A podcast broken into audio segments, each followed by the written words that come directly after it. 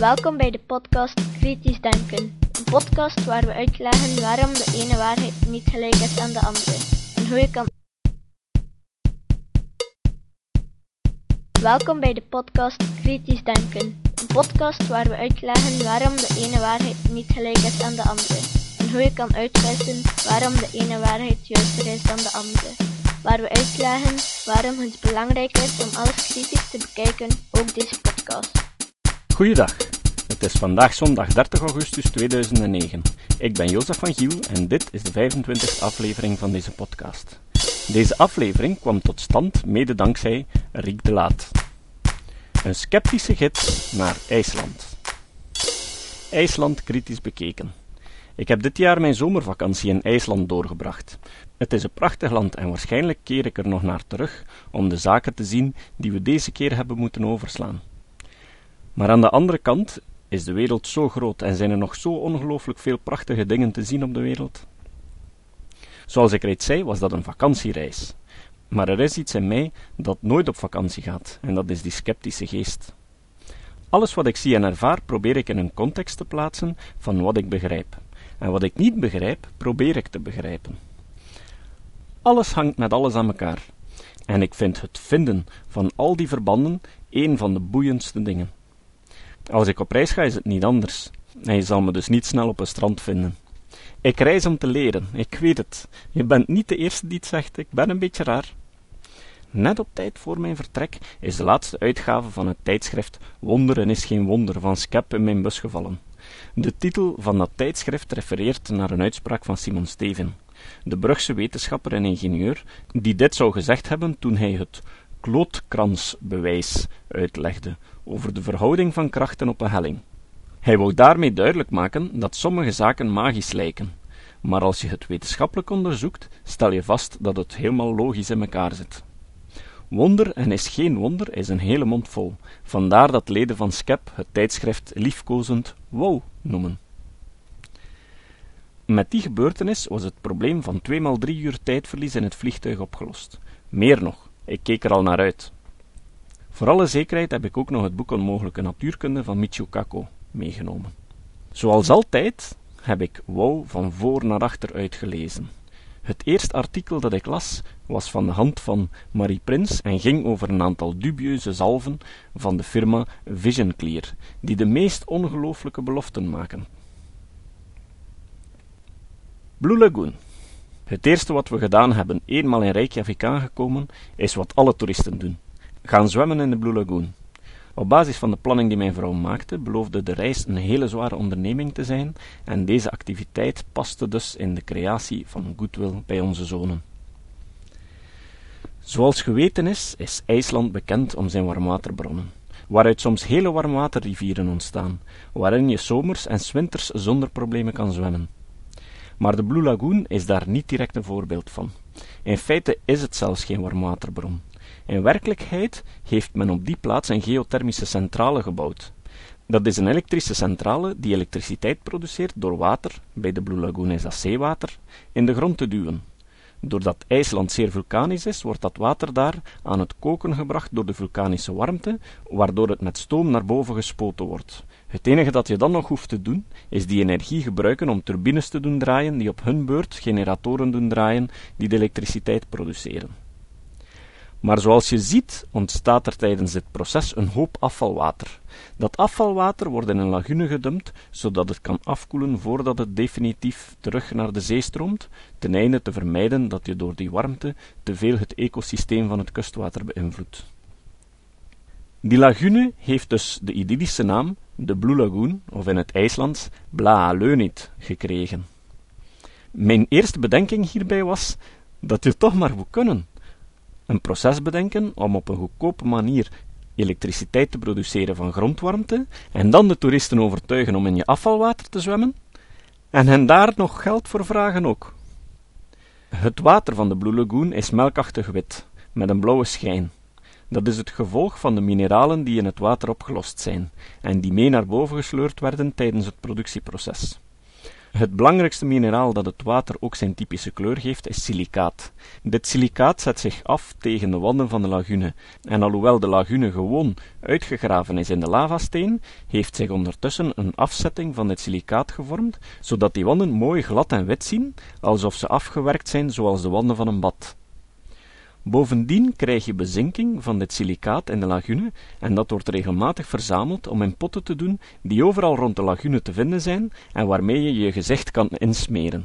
De flyers en de borden bij deze silicaatpotten beloven je allerlei miraculeuze effecten, zoals een mooie huid, goed tegen cellulitis, enzovoort.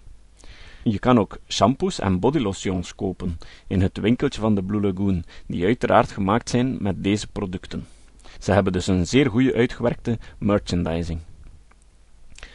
Toevallig gaat het hier over hetzelfde bestanddeel als in de zalfjes uit het artikel in Wow dat ik in het vliegtuig las. Volgens Marie Prins doet het helemaal niets. Het is even goed als fijn wit zand op je gezicht te smeren. Je moet je eens inbeelden dat de kerncentrale van Doel een grote marketingcampagne op poten zet om mensen te laten zwemmen in hun afvalwater. Niemand zou het ooit in zijn hoofd halen om hierop in te gaan.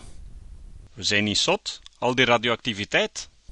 Nochtans is de radioactiviteit van de Blue Lagoon waarschijnlijk een stuk hoger. Begrijp me niet verkeerd. Ik ga ervan uit dat de radioactiviteit van de Blue Lagoon binnen de veiligheidsnormen valt. IJsland is een beschaafd land en ik veronderstel dat de veiligheidsnormen gerespecteerd worden. Maar de reden van mijn stelling is de volgende. Het water van de Blue Lagoon komt rechtstreeks in contact met de hete lava onder de grond. Vulkanisme en de warmte van het binnenste van de aarde is vooral het gevolg van radioactiviteit. Het koelwater van een kerncentrale komt echter nooit rechtstreeks in contact met radioactiviteit. Daar wordt de warmte uitgewisseld via een warmtewisselaar.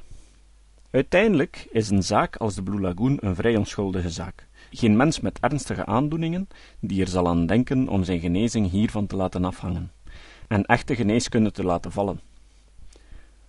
De uitbaters van deze zaak zullen zich waarschijnlijk ook behoeden om straffe claims te doen, zoals we dat van echte kwakzalvers soms horen. Dus, als je ooit naar IJsland gaat, moet je zeker een bezoek brengen aan de Blue Lagoon. Maar geloof niet te veel van de beweringen en geniet vooral van het warme water, de mooie omgeving en je gezelschap. Het is een leuke ervaring en ontspannend, maar na een uurtje rondtobberen heb je het wel gehad. Energiewinning. Wat ik enorm interessant vond, was dat je als ecologisch bewust persoon in IJsland op een totaal andere manier over energie moet denken dan in normale omstandigheden. IJsland is eigenlijk ontstaan boven de Noord-Atlantische Rif, de plaats waar de Europese en de Amerikaanse plaats zich van elkaar verwijderen. Ik ga daar straks nog verder op in, want dat is op zich ook zo'n boeiend element dat het een van de belangrijkste redenen is om een reis naar IJsland te maken. Het gevolg daarvan is dat er een enorme vulkanische activiteit is die waarschijnlijk uniek is in de wereld. Het meest tot de verbeelding sprekende fenomeen zijn waarschijnlijk de gijzers. Het woord gijzer is trouwens genoemd naar de gijzer der gijzers, namelijk Gijsir in IJsland, die tot halfweg de 20e eeuw tot 85 meter hoog kon spuiten. Deze gijzer is vermoord door het toerisme. Deze gijzer was toen al een zeer belangrijke toeristische attractie maar het was nogal onvoorspelbaar om te weten wanneer hij spoot. Soms gebeurde dat zeer regelmatig, soms spoot hij een ganse dag niet.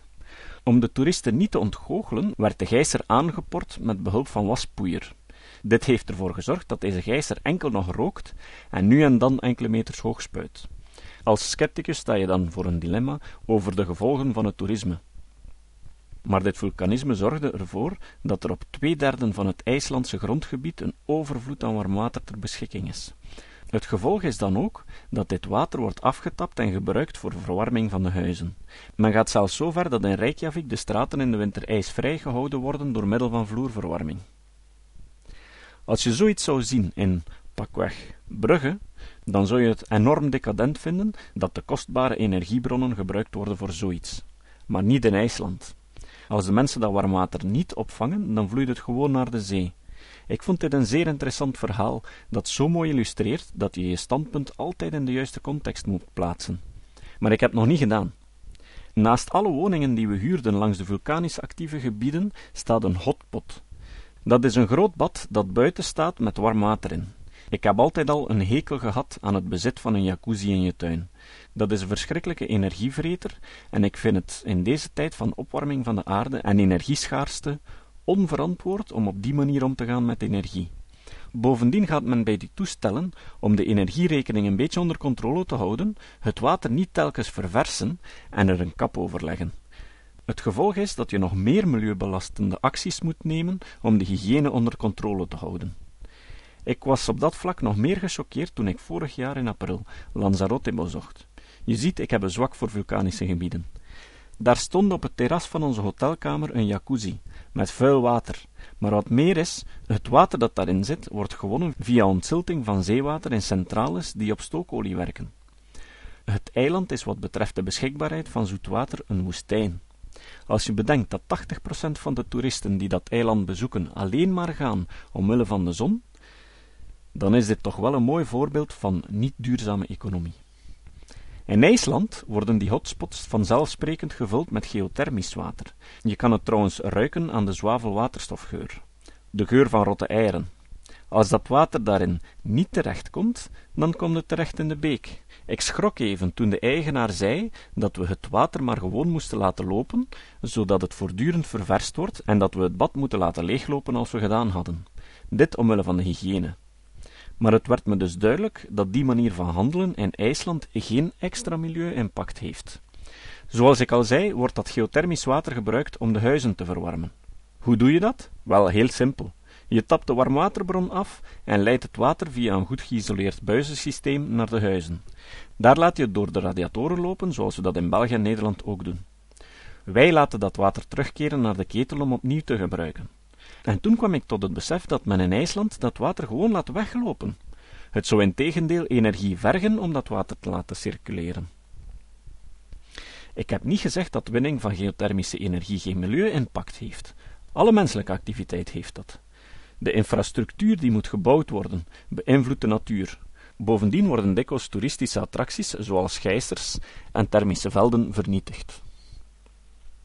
Jules Verne in het boek Naar het middelpunt der aarde van Jules Verne wordt de expeditie aangevat vanuit Snæfellsnes, een stratovulkaan die in het westen van IJsland ligt en die je bij goed weer vanuit de haven van Reykjavik kan zien liggen. Stratovulkanen zijn die mooie kegelvormige vulkanen uit de boekjes. Natuurlijk hebben we die bezocht, maar het is ook een moment om eens het verhaal opnieuw op te rakelen.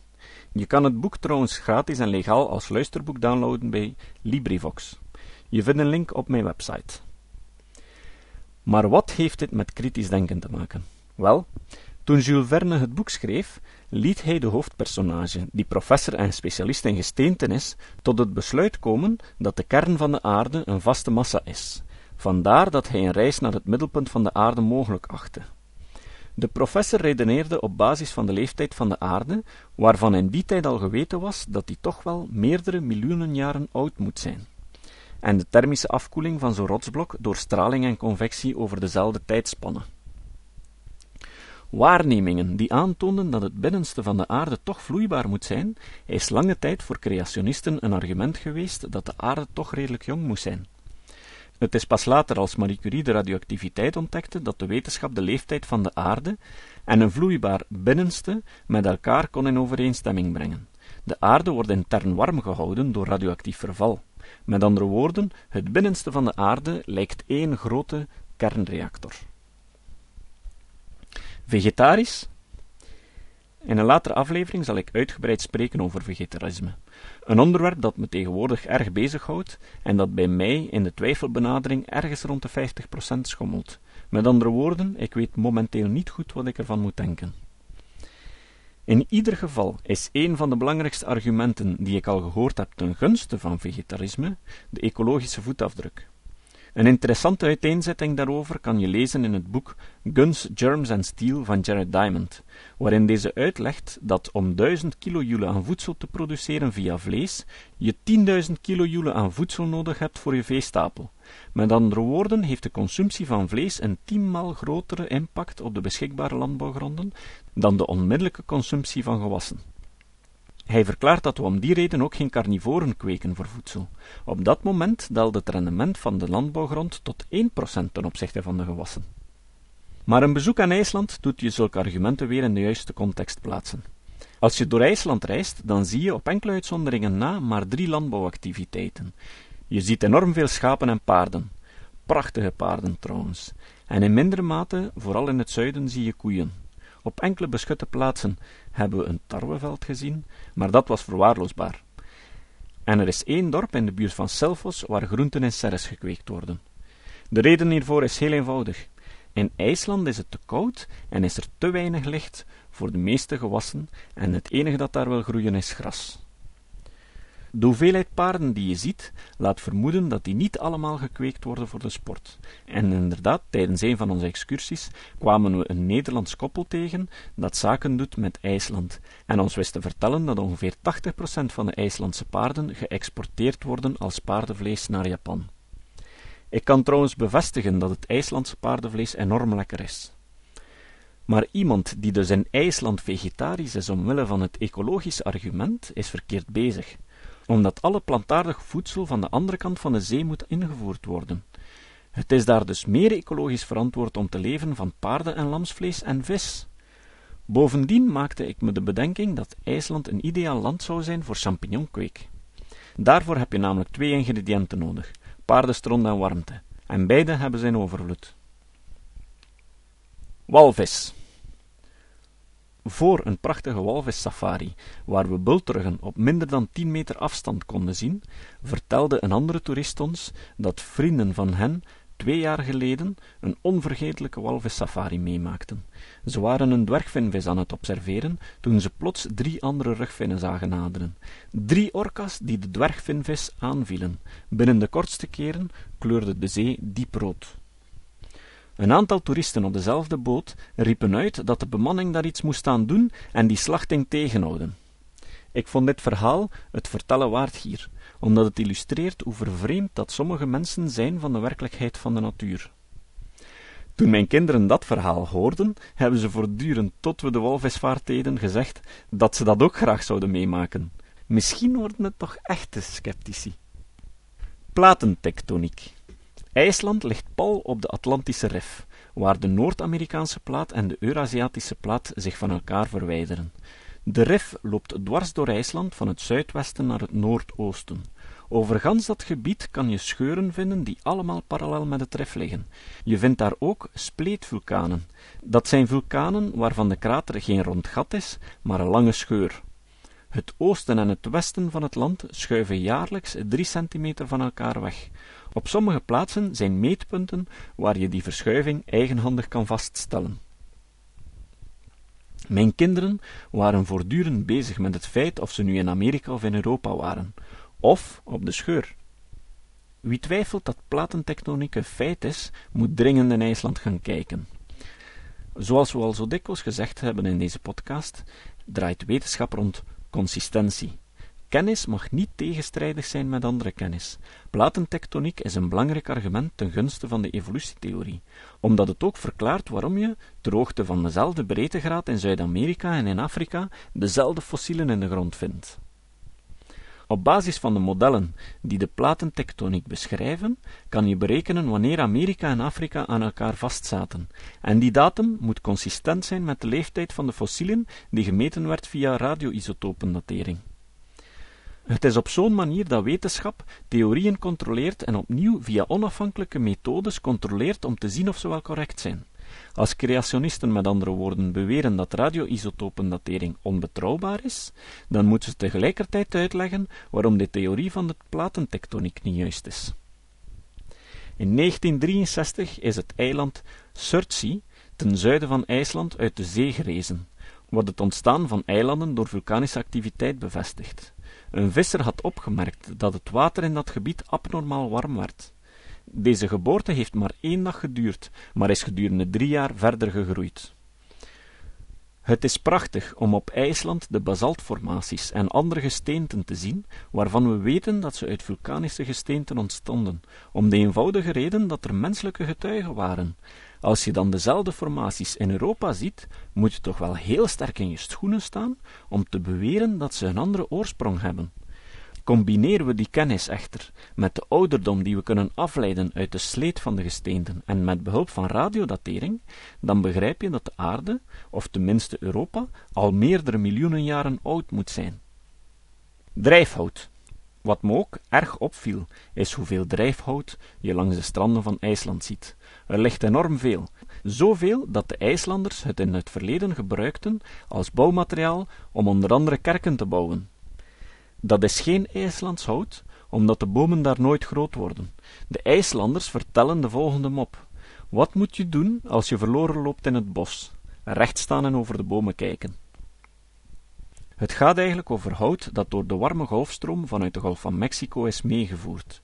Het is een interessant gegeven omdat Darwin in Over de oorsprong der soorten uitgebreid ingaat op drijfhout als een mechanisme om plantaardige zaden over de zee naar eilanden te transporteren en zo eilanden te bevolken met bomen en struiken.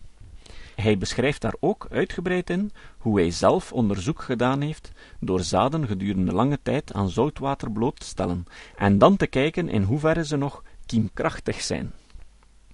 Merk op dat dat drijfhout tegelijk gediend heeft om de vikings te kerstenen en voor Darwin om de basis van de ontkerstening te leggen. Zo zie je maar dat je drijfhout voor alles en nog wat kan gebruiken. De fauna van IJsland is indrukwekkend, maar dan hebben we het alleen over vogels en zeezoogdieren.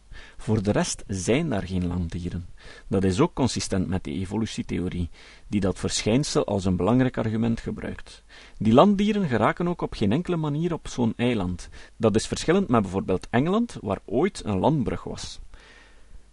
De schildpadden op Galapagos zijn dichte neven van de zeeschildpadden. Het enige zoogdier dat daar niet door de mens is ingevoerd is de poolvos, die daar moet gestrand zijn door drijfijs. Dat dit een realistisch scenario is, wordt beargumenteerd door het feit dat er nu en dan ijsberen met drijfijs op IJsland terechtkomen. Die worden dan meestal onmiddellijk doodgeschoten. Collapse in het boek Ondergang beschrijft Jared Diamond hoe verschillende volkeren, vooral eilandbewoners, ten onder gingen als gevolg van de ecologische problemen die ze zelf gecreëerd hebben. Hij wijdt ook uit over IJsland, en zowel in de positieve als in de negatieve zin. Hij beschrijft hoe de vikings er op enkele honderden jaren in geslaagd zijn om enorme gebieden op het eiland volledig te laten eroderen. Op sommige plaatsen zijn de weilanden meer dan twee meter verzakt ten opzichte van de omgeving. Het spreekt dan ook voor zich dat ik het onderweg niet kon laten om deze stelling met mijn eigen ogen te controleren. En inderdaad, als je er oog voor hebt, dan zie je het zo. Er zijn verschillende redenen hiervoor. De belangrijkste reden is de invoering van schapen en de houtkap. Beiden hebben er samen voor gezorgd dat het eiland ontbost geraakte. De, oorspronkelijke IJslandse bossen zijn berkenbossen, eigenlijk eerder struikgewassen. Door het klimaat aldaar groeien de bomen heel traag, waardoor de bossen minder gemakkelijk recupereren van de houtkap. Tegelijkertijd zorgden de ingevoerde schapen ervoor dat de jonge bomen niet konden schieten. Voor de kolonisatie van IJsland bestond het eiland voor meer dan 20% uit bossen. Dat is nu nog 3%. Een andere oorzaak van erosie is dat, door het gebrek aan hout als bouwmateriaal, de IJslanders zich, net als de Groenlanders, moesten behelpen met turf als bouwmateriaal.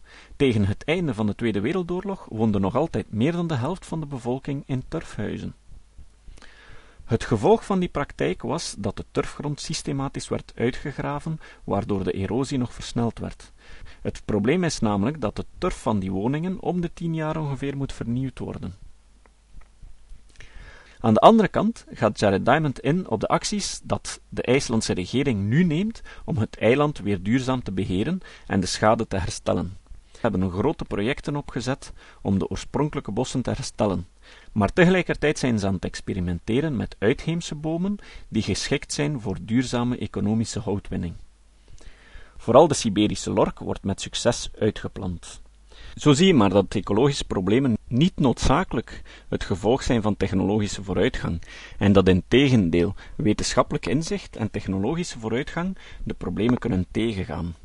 Het is in ieder geval zo dat je de ernst van de situatie maar op een betrouwbare manier kan kennen dankzij wetenschappelijk onderzoek.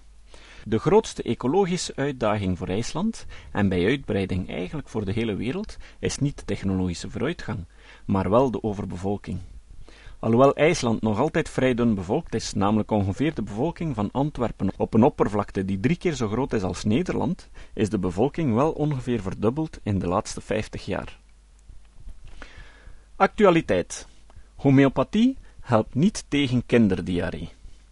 Homeopaten noemen onder andere een meta-analyse van 2003 van drie onderzoeken waaruit zou blijken dat klassieke homeopathie effect heeft bij kinderdiarree. Maar die onderzoeken zijn dubieus en belangrijker, een nog veel groter onderzoek, ook van Jacobs, ontkracht deze conclusies. Wie de details wil lezen, moet naar de website van de Vereniging tegen Kwakzalverij gaan en het artikel van Jan Willem Nienuis lezen. Een link vind je op de notas van deze aflevering op mijn website. Tweede actualiteit. De Wereldgezondheidsorganisatie waarschuwt tegen homeopathie.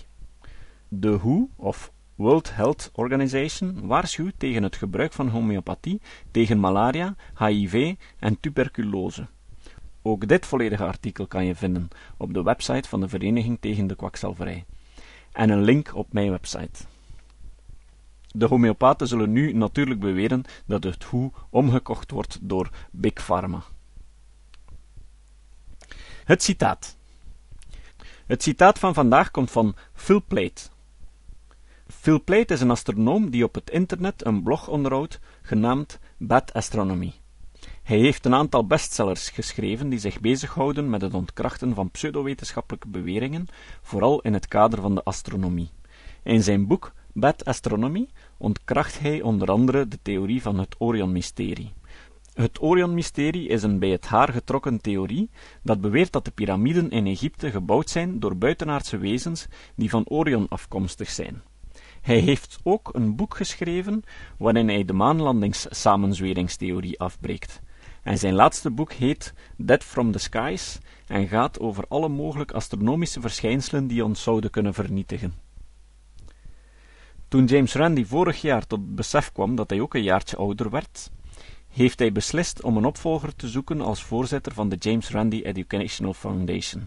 Dat is de vader van alle sceptische organisaties. Phil Pleit heeft deze functie opgenomen. Phil Pleit zei: Sommige mensen proberen me te vertellen dat wetenschap nooit een antwoord zal kunnen geven op de grote vragen van het leven. Tegen hem zeg ik: Zever in pakjes. Het echte probleem is dat je vragen niet groot genoeg zijn. Net was de podcast Kritisch Denken. Vergeet niet om alles kritisch te behandelen, ook deze podcast. Voor verdere informatie over deze podcast, links en voor de tekst, surf naar www.kritischdenken.info. Als je deze podcast belangrijk vindt, dan kan je me steunen door andere mensen warm te maken ook eens te luisteren. Stuur een e-mail naar je vrienden met een link naar mijn website of plaats de link in de handtekening van je e-mails. Kan me ook steunen door op iTunes deze podcast een goede beoordeling te geven of een recensie te schrijven. Of je kan op je eigen website of blog een link naar mijn website plaatsen. Hoe meer links, hoe sneller je gevonden wordt op Google. Dat kan beloond worden door een link naar jouw website bij mij.